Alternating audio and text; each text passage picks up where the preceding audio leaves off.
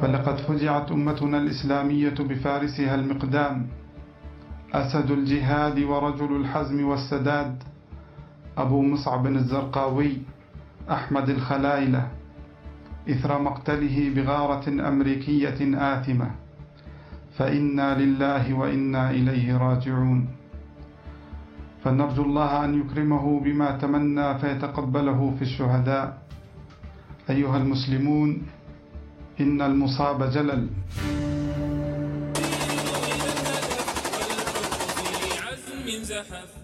والله لتهزمن أمريكا في العراق. بإذن الله تعالى ولتخرجن من أرض الرافدين مهزومة ذليلة حسيرة حقيرة بعون الله تعالى.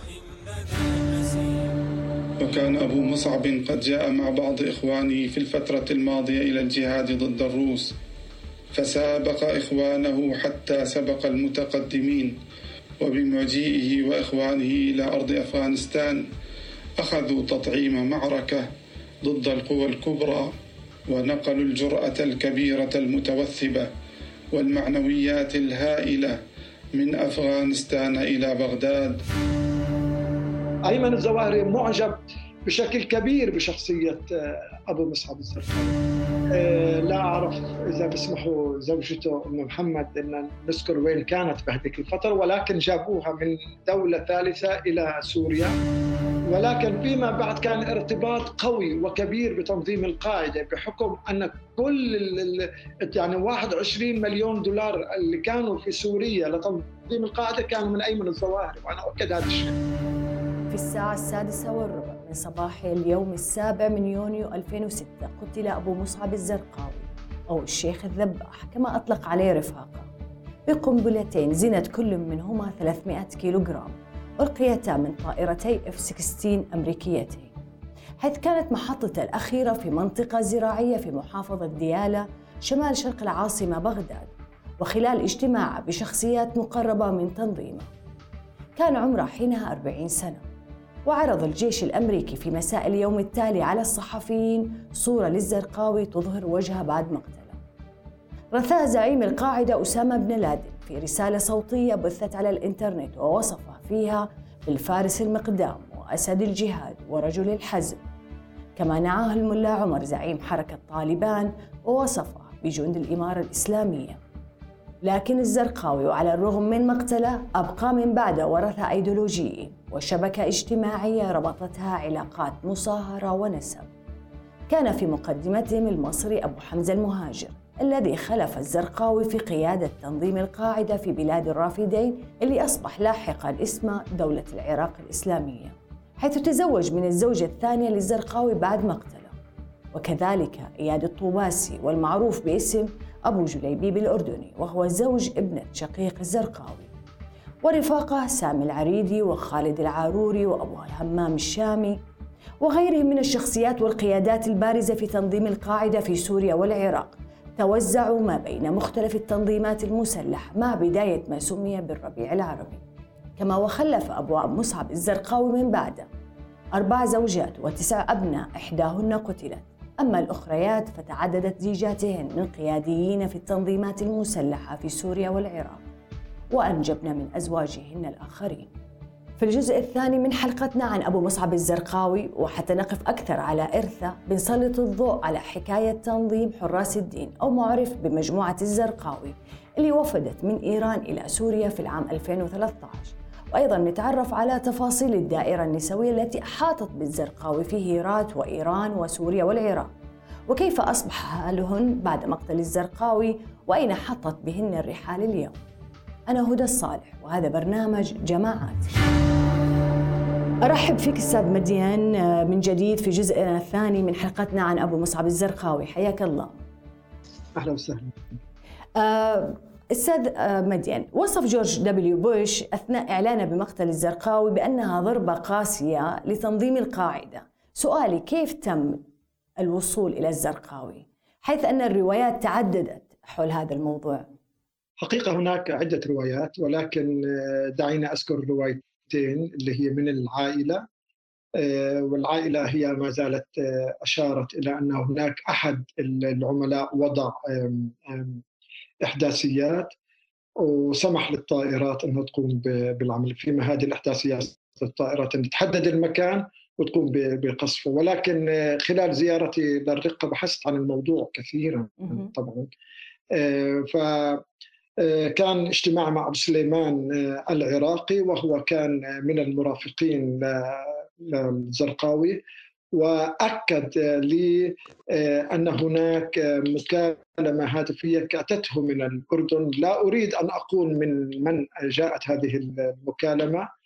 و وقبلها ذكر بالساعة التاسعة صباحا تقريبا جاءت مكالمة أخرى من سوريا.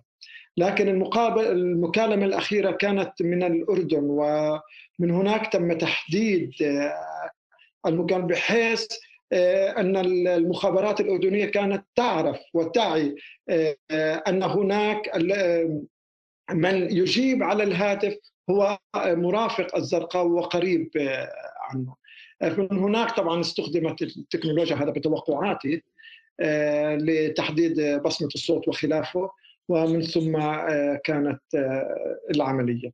أي طب في 2013 أستاذ مديان أعلن النظام الإيراني الافراج عن خمسة من قيادات القاعدة وهم مجموعة الزرقاوي.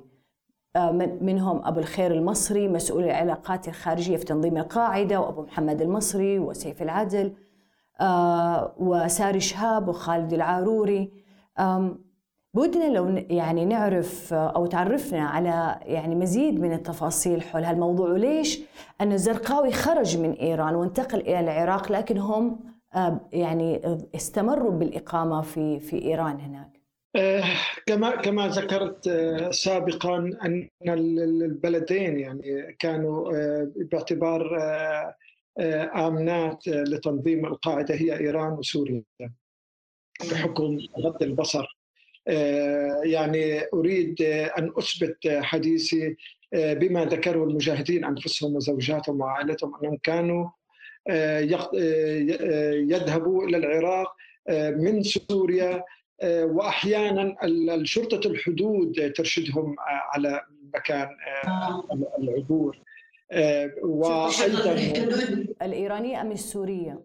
سوريا سوريا آه، أيضا الإيرانيين لا الإيرانيين فاقت معاملتهم مع عناصر وتنظيم القاعدة بأكثر انه سمحت لهم بالبيوت آه، الضيافة. ظلت متواجدة فترة طويلة آه، في في إيران.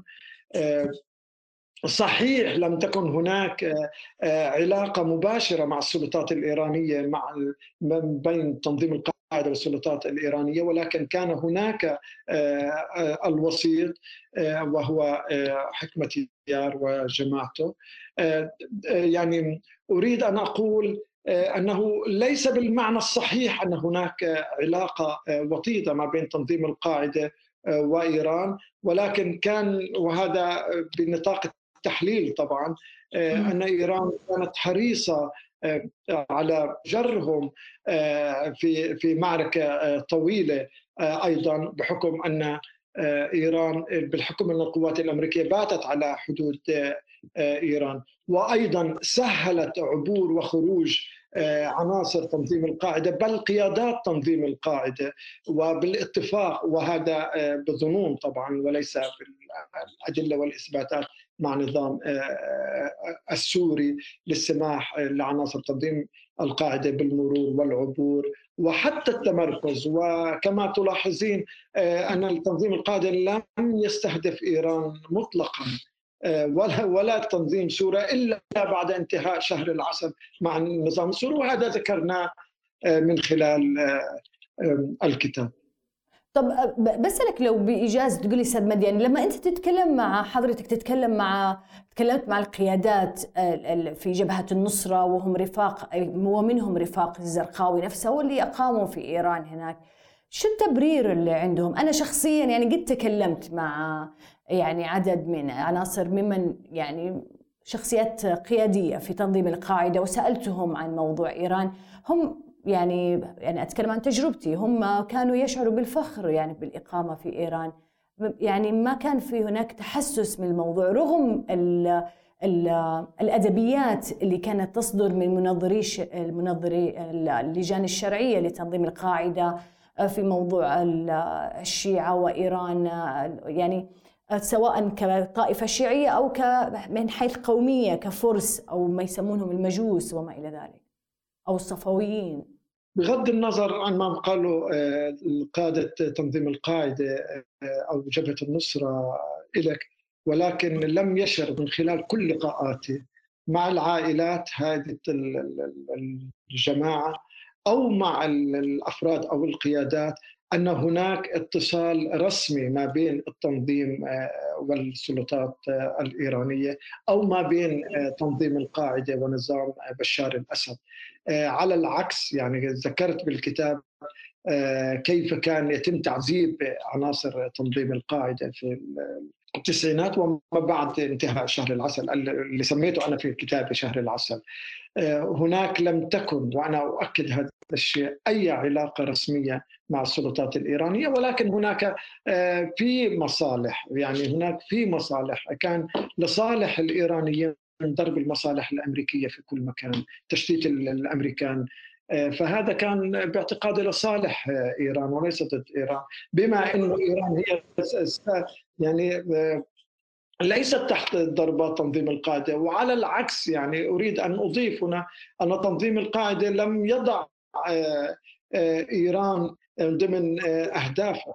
هو وضع اولا الأردن ودبي والسعودية وعدة دول ومصر وإسرائيل آه، لم لم يضع إيران ضمن اهدافه صحيح. آه، ولا النظام السوري. يعني كان بحكم انها هي القاعدة نوعا ما آمنة أو نقول اللي هي القاعدة الثابتة نوعا ما لهذا التنظيم. لكن أستاذ مدين معلش إيه، اسمح لي آه، لما إحنا نيجي يعني حضرتك تقول إنه آه، إنه لم يكن هناك تنسيق مع النظام آه، الإيراني في القاعدة، لكن ما تعتقد إن لما يكون عندي أنا مثلا سيف العادل أبو محمد المصري آه، شقيق أيمن أسرة أيمن الظواهري، أبناء أسامة بن لادن، زوجات أسامة بن لادن، نتكلم عن مجموعة الزرقاوي، نتكلم عن الزرقاوي نفسه.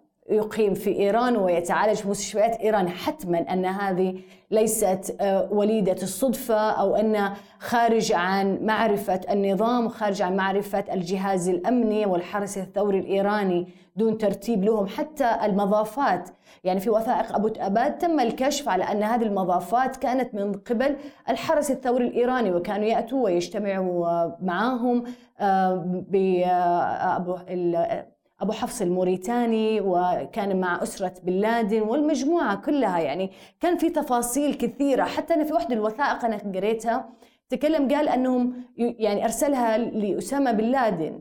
آه فقال لأنه كانوا يعني يحترمونه ويقدرونه وكانوا يقولون أنتم أبطال. لكن إن إحنا حطيناكم في هذه الأماكن لحمايتكم لأن أصبح هناك فوضى في مسألة المكالمات آه، اللي كانوا يجروها وحتى إن بعضهم صار يحط لاسلكي يعني بشكل عشوائي حتى التقطت الدول الأوروبية والأمريكان هذه الاتصالات هو كشف وجودهم وهنا بدأت تضيق شوي بمساحتهم لكن كان يأخذوهم للاسواق وحتى بالأعياد يطلعوا ياخذوهم بفسح كانوا حتى يتنقلوا إما بالقطارات أو السيارات أو الباصات يعني كانوا يعيشوا حياتهم حتى سليمان أبو غيث المتحدث باسم بن لادن شفنا له صورة وهو في إحدى الحدائق في في طهران.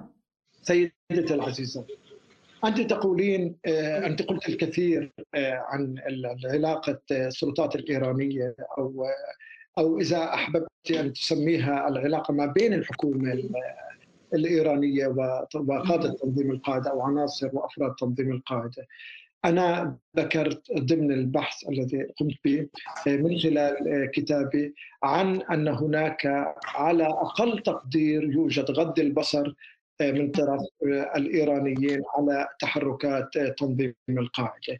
أنا لم أصل إلى المعلومات التي تتحدثين أيوة. ولم أتمكن من الوصول إلى هذه المعلومات، لكن لو تمكنت لما لما حجزت هذا أو حجبت هذه المعلومات أكيد عن الناس.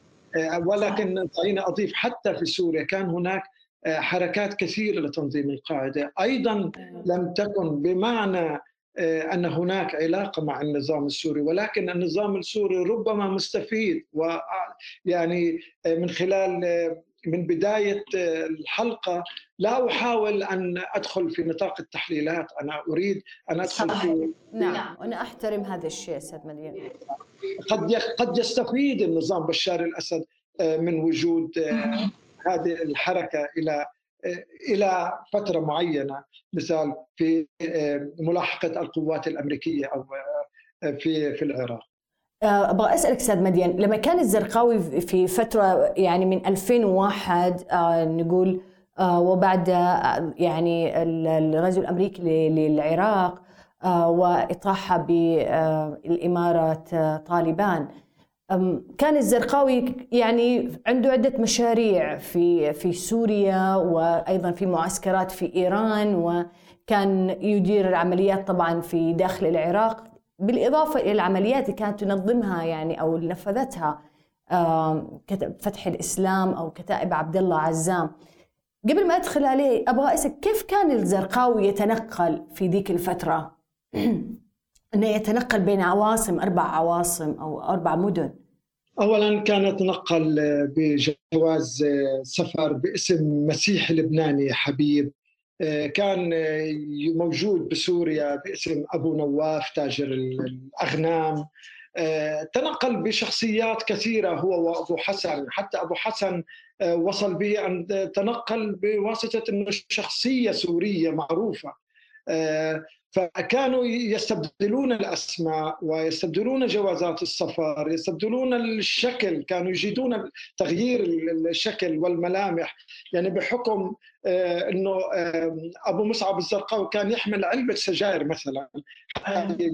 وخصوصا اريد أن أقول خصوصا بعد ظهور صور أبو مصعب الزرقاوي في وكالات الأنباء أصبح هناك حس أمني أوسع، أصبحت حركة آه، أضيق، آه، أصبح تغيير الشكل بصورة مستمرة آه، ويتنقل بأشكال مختلفة ولكن كان في في أوج عمليات البحث عنه كان يعيش حياة شبه عادية في مدينة حلب، كان يتنقل ما بين دارة عزة وحلب. حلب ودمشق ويذهب إلى الولائم والمطاعم و وكان يعيش حياته شبه كان يدخل المطاعم يعني آه، بشكل نعم يعني المطاعم البسيطة يعني مش إنه هناك كان ما كان يتعرفوا عليه الناس يعني في, في... لا لا يعني تعرف ذكرنا بالكتاب انه تعرف عليه بقال. يعني قال له أنت شبيه بأبو مصعب الزرقاوي. قال له لا أنا شبهني في غيره أنا طفل بريء. فهذا الموضوع يعني تعرف الناس عليه كان صعب. يعني آه، أول شيء كان يغير آه، شكله ويظهر بمظهر آه، شاب عصري يضع الزيوت على شعره ويلبس النظارة الشمسية. فكان يعني بمظهر شاب لا غير متدين. فبهذه الطريقة التعرف عليه كان غير سهل. أبغى أسألك أستاذ مدي بالنسبة لكتائب عبد الله عزام واللي تولى مسؤوليتها آه، صالح القرعاوي آه، إيش حكاية هذه الكتائب؟ هو اسمه صالح القرعاوي اسمه الحقيقي صالح القرعاوي. والله الحقيقة إذا قرأت كتاب الجزء الأول من سلسلة من داخل حركات جهادية فتح الإسلام تحدثنا عن وصول خروج أبو يوسف. أول شيء كان هذا الشخص كان يعتقد داخل مخيم عين الحلوة أنه ابن آه، أسامة بن لادن. وإلى الآن يوجد آه، أشخاص يؤمنون بهذه النظرية ولكن نستطيع أن ننفي هذه المعلومات. آه، هو أبو يوسف كان دخل إلى مخيم نهر البارد وخرج من المعركة قتل من معه بعملية الخروج وخرجوا سباحة فاستطاع أنه يصل إلى مخيم عين الحلوة آه، آه، لعين الحلوة وأقام في المربع الأمني للجهاديين آه، هناك. ومن ثم بدأت البوادر مع ماجد الماجد بوادر إنشاء كتائب عبد الله عزام. كتائب عبد الله عزام كانت بصيغة مختلفة عن تنظيم القاعدة. أو بصورة مختلفة وغيرت أسلوبها ولكن بقيت آه، بمنهج تنظيم القاعدة وكان هدفها اللي هي ضرب إسرائيل وتوجيه البوصلة إلى إسرائيل تماما كما كان فتح الإسلام ولكن بصورة أوسع وأدق وبوضوح أكثر إلى إلى إلى الجمهور أو إلى الجماهير في مخيمات لبنان.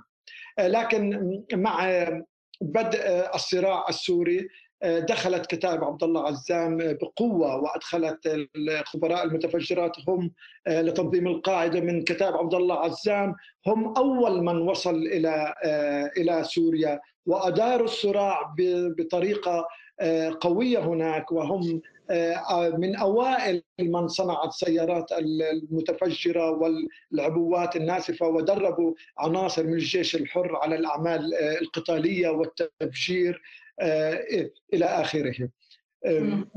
وعملوا باسم مروان حديد أو سرايا مروان حديد أعتقد وهذا مذكور في في كتابه لكن من خلال زيارتي لمخيم عين الحلوة الاخيره التقيت مع أسامة الشهابي المطلوب رقم واحد طبعا هناك. وهو أخبرني في لقاء لقاء مصور أن الحركات الجهازية وأنا أقول الآن وهذه معلومة جديدة أن الحركات الجهادية بدأت تختار طريقا مختلفا عن ما كان سابقا بتوجيه المناطق نحو الأنظمة العربية أو حلفاء الغرب في المنطقة. بل هناك استراتيجية جديدة سوف تكون وهي الاستراتيجية اللي هي تماما كما فعل حزب الله بضرب إسرائيل في عمليات نوعية. ومن هذه النقطة تصبح هناك قاعدة شعبية للحركات الجهادية، أسامة الشهابي قال لي كثيرا قال أن الحركات الجهادية تضررت كثيرا على مدى السنين الماضية من استراتيجيات قد تكون غير صحيحة بتوجيه مناطقها نحو الانظمه العربية. طب أستاذ أبغى أبغى ندخل على موضوع زوجات الزرقاوي. أبغاك تقول لي تعدد لي إياهم شو جنسياتهم الأبناء اللي أنجبهم من كل سيدة أول شيء في الإمرأة الأردنية زوجته الأردنية هي نتحفظ لاسمها ك بتعرف هي ابنة عشيرة إي هي ابنة خالة صح؟ أو ابنة خالة؟ أنا أقول ام أم محمد يعني هذا الثانية هي إسراء الثالثة هي خولة ومن ثم هي الرابعة اليمنية أسماء. طب قل لي فين كل مرة كل في في كل منطقه يعني كل زوجة كانت في أي منطقة وفي أي عام تقريبا إذا تذكر؟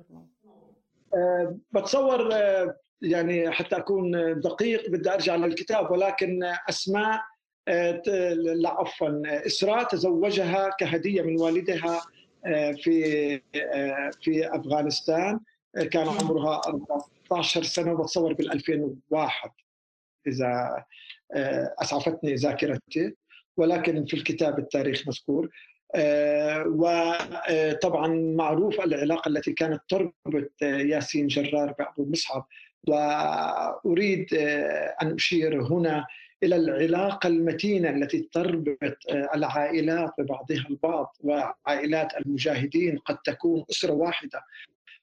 هم يتقاسمون لقمة العيش ويتقاسمون المال ويتقاسمون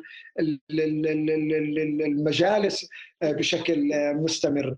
فلذلك محبة ياسين جرار إلى أبو مصعب الزرقاوي أهداء ابنته. كان عمرها 14 سنة صحيح؟ ياسين ياسين جراد هو ياسين جراد أو ياسين جرار؟ لأنه كان ألاقي اسمه بهذا الشكل يعني مرة كذا ومرة كذا. هو نفس الشيء. نفسه جرار هي عائلة عائلة من جنين بفلسطين. أصلا من فلسطين هو فلسطيني أردني. أيوه.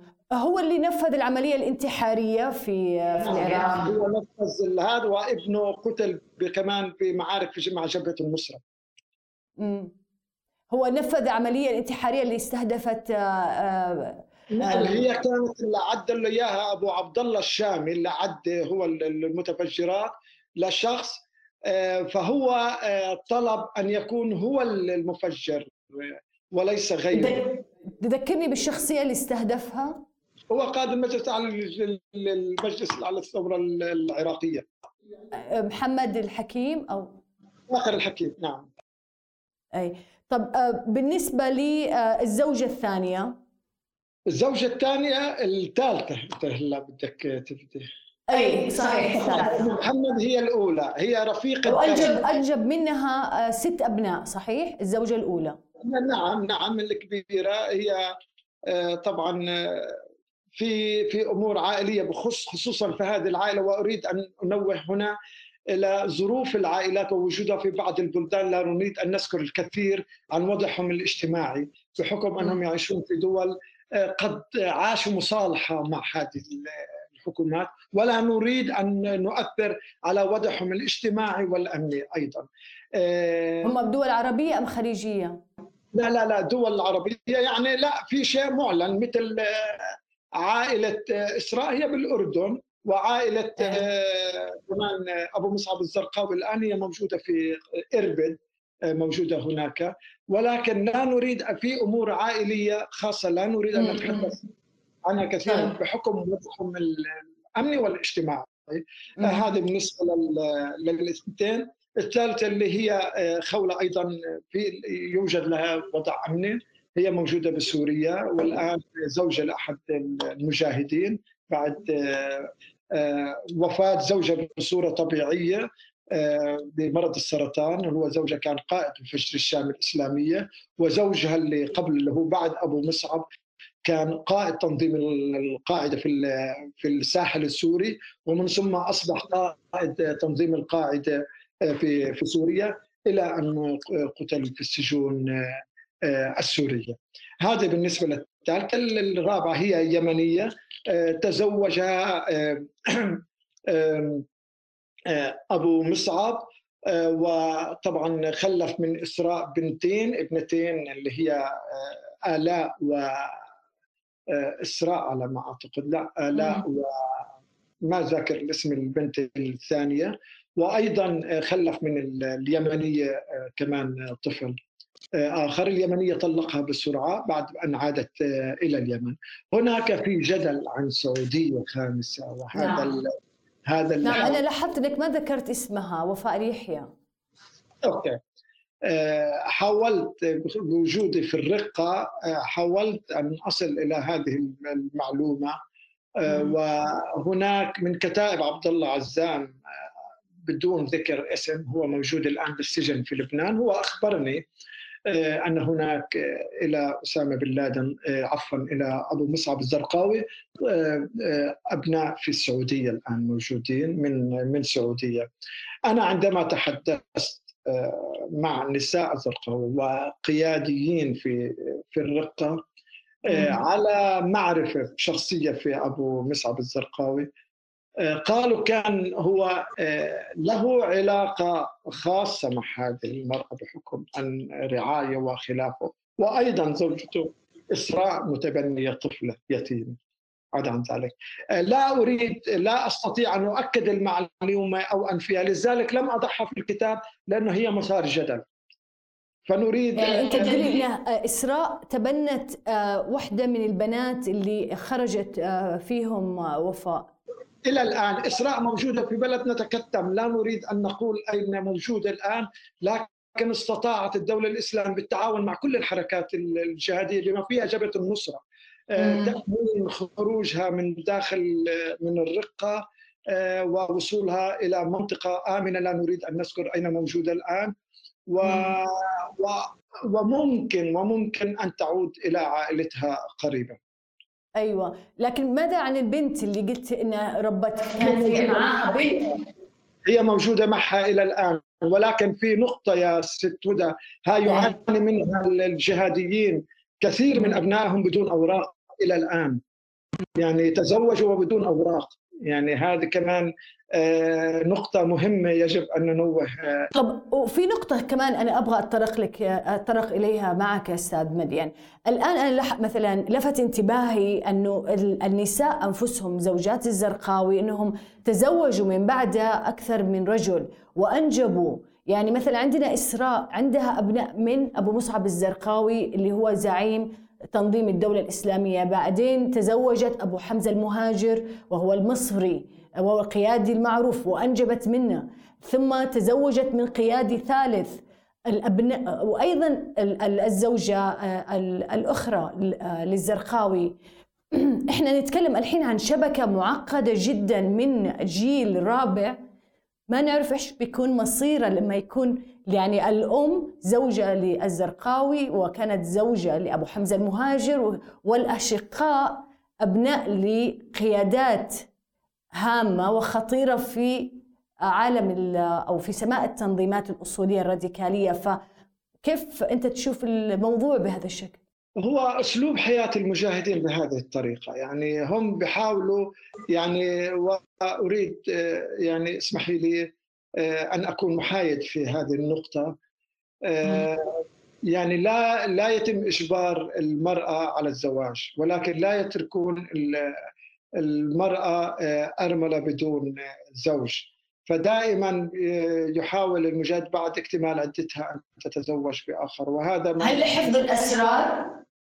حماية هي هي المعنى الأسرار قليل ما تعرف نسائهم عن تحركاتهم. يعني قليل ما تعرف النساء. يعني تعرف من هنا ومن هناك يعني حتى حتى أنا مثلا مثل أبناء الزرقاوي لا يخرجوا إلى بيئة أخرى غير بيئة التنظيمات. تبقى الحلقة مستمرة. يعني تبقى الوقود يعني دائما في آه، تعبئه يعني موضوع التعبئه والتجيش والأفكار الجهادية أو غير الجهادية هذا بيكون في في يعني معادلة صعب التعامل معها بحاجة إلى لا إحنا نتكلم أستاذ مدي عن الأطفال نفسهم أنهم يبقوا دائما رهينة تحت دائرة التنظيمات نفسها.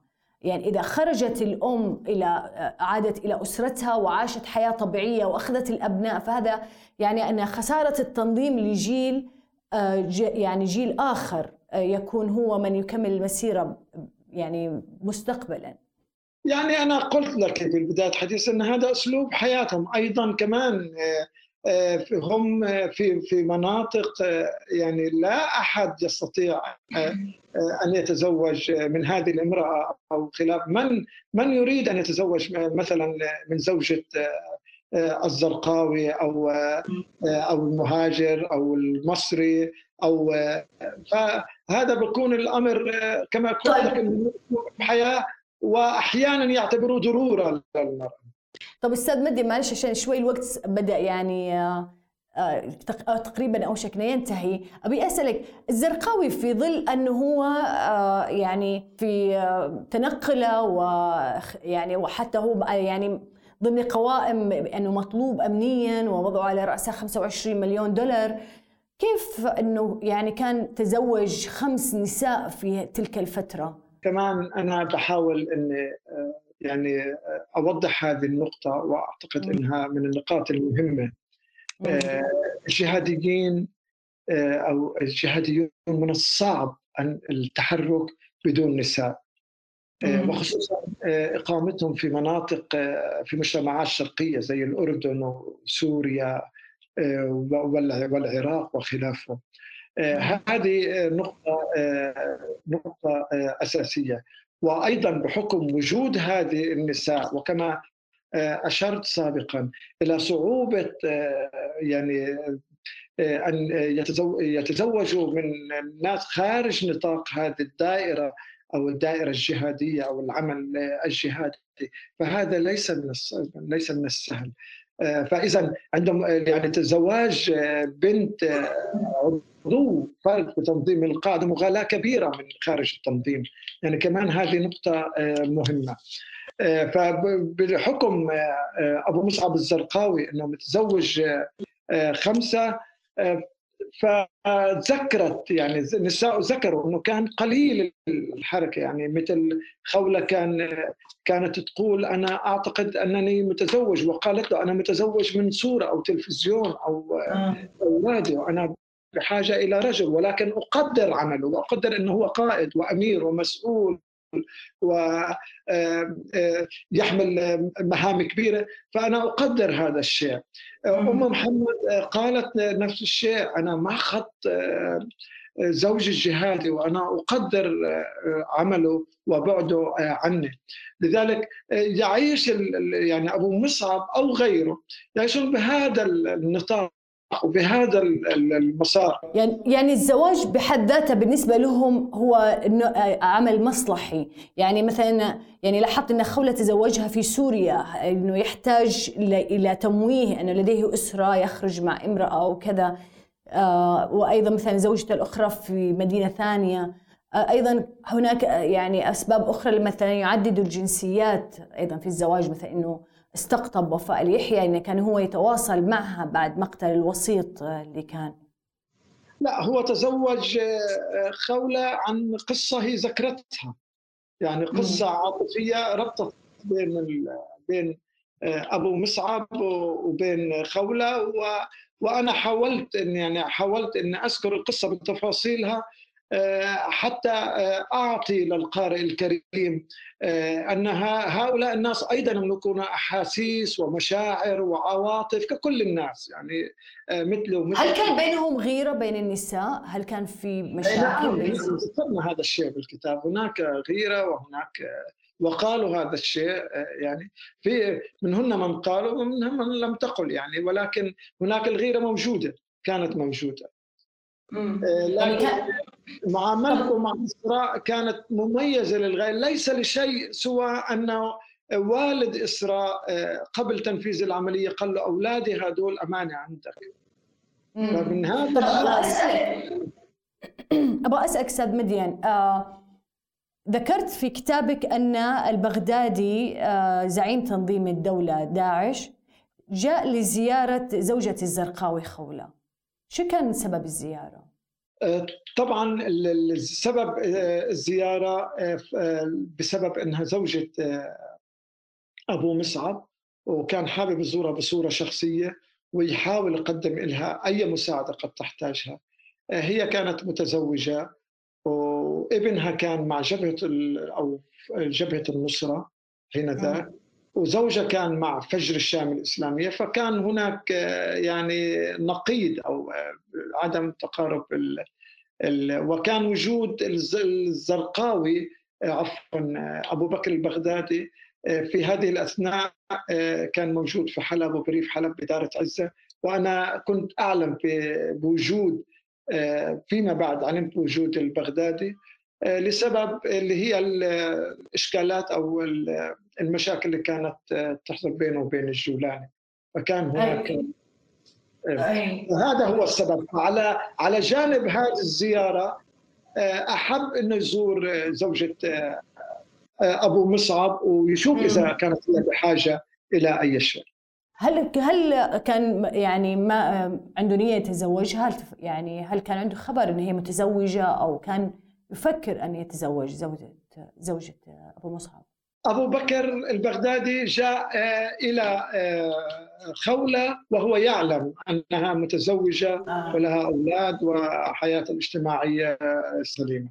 يعني ما كان له في علاقة في الموضوع هذا طب آخر سؤال أستاذ رفاق الزرقاوي اللي هم سامي العريدي في أيضا سمير حجازي قيادات اللي جاءت من من إيران في أين هم الآن اليوم؟ والله يعني من الصعب أن أعرف آه، وين يكونوا وأنا بالحقيقة آه، لست على اتصال معهم. يعني هل أنا أنا حسب معلوماتي في مجموعة عادت إلى إيران ومجموعة عادت إلى أفغانستان ومجموعة بقت يعني. معلوماتك ممكن ولكن عند المعلومات الموجودة عندي ما في أي شيء. المعلومات الموجودة عندك. إيه إيه لكن معلوماتي أنا لا أملك أي شيء عن قادة تنظيم القاعدة الآن وحراس الدين مجرد انه هناك انفصال. بعد وفاه العاروري فقدت الاتصال تقريبا مع ولكن ما زلت على اتصال مع حزب الشام والحركات الجهادية الثانية من حين إلى آخر آه، فقط لا غير. لكن ما اعرفه هنا نخبة تنظيم القاعدة نخبة تنظيم النصرة آه، والقاعدة وهو قتل أكثرهم من خلال أستاذ أستاذ مدين في سؤال أنا نسيت أسألك إياه أبغى مهم جدا. ذكر لما انه العلاقة ما بين الزرقاوي وأسامة بن لادن أن كان هناك نوع من توتر في العلاقة أو أنه كانت طبيعة علاقة الزرقاوي هي فقط تعاون مع القاعدة وليست مبايعة. فايش هل صحيح هذا ام أم غير دقيق؟ لا لا غير دقيق. غير دقيق. هي الموضوع البيعات ترك الظواهري ترك أبو مصعب الزرقاوي والعاروري أن يفكروا في البيعه والبيعه ليست مهمة بقدر ما الإيقاع في الأمريكان وحلفائهم في المنطقة أكبر الخسائر.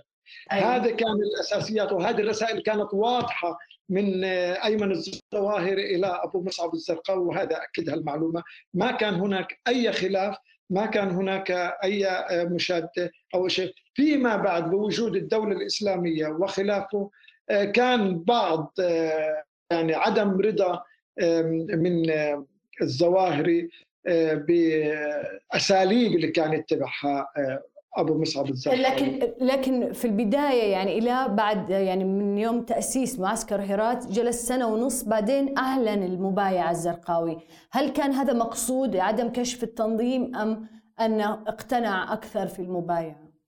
لا لا لا يعني الكثير من المجموعات ليس لها لها ارتباط كثير كثير من إيش؟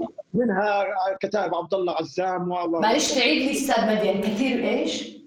كثير من الحركات في المنطقة أو الحركات الجهادية في المنطقة ارتبط ارتباط آه، آه، وثيق بتنظيم القاعدة ولكن آه، بدون بيعة إما لم تستطع بإيصال هذه البيعة برسول محدد إلى أفغانستان أو لم تكن هناك اتصالات كافية كما جرى. البيعة تكون رسول شخصي وليس على الهاتف أو أو خلافه. فالاتصالات ما بين أفغانستان وشبكة الحركات الجهادية في المنطقة هي بظنها البعض سهلة. لا هي صعبة جدا ومعقدة. لذلك يجب أن يكون هناك رسول من التنظيم من تنظيم القاعدة إلى إلى الحركة الجهادية ويذهب هناك ويطلع نعم. على كل شيء ومن ثم تقرر تقرر بالنسبة لكن بالنسبة في حالة الزرقاوي في ذيك الفترة هو كان عنده اتصال وكان يعني بيجلس مع بن لادن أو حضرتك قلت لي إنه بيعقد اجتماعات متكررة مع بن لادن والظواهري صحيح؟ كان هو البيعه أو اولا كان في بدايته وهم في أفغانستان تريسوا في إعلان بيعتهم بحكم أنهم كانوا على يخشوا أن يكون هناك اقتتال داخلي فقط لا غير ولكن فيما بعد كان ارتباط قوي وكبير بتنظيم القاعدة بحكم أن كل يعني 21 مليون دولار اللي كانوا في سوريا لتنظيم القاعدة كانوا من أيمن الظواهري وأنا أؤكد هذا الشيء. آه، لذلك كان هناك ارتباط قوي ووثيق وهناك محبة آه، يعني أنت تذكرين أسامة بن لادن بين أيمن الظواهري و وابو مصعب الزرقاوي. أيمن الظواهري معجب بشكل كبير بشخصية أبو مصعب الزرقاوي. آخر لقاء للزرقاوي مع زوجاته كان متى؟ وأين؟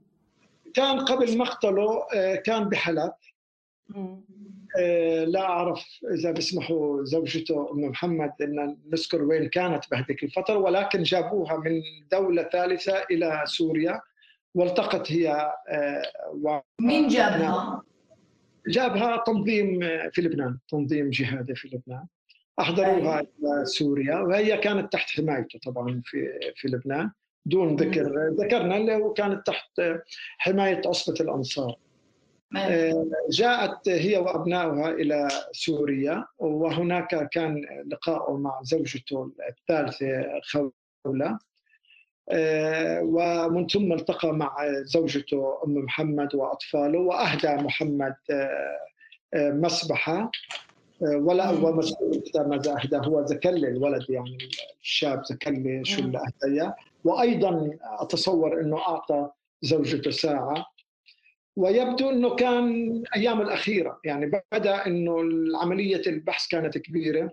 عمليات هذا في حدود عام 2005 اللقاء اللي صار بينه وبين زوجات آه، كانت نعم. عمليات البحث مكثفة. آه، هذا واحد.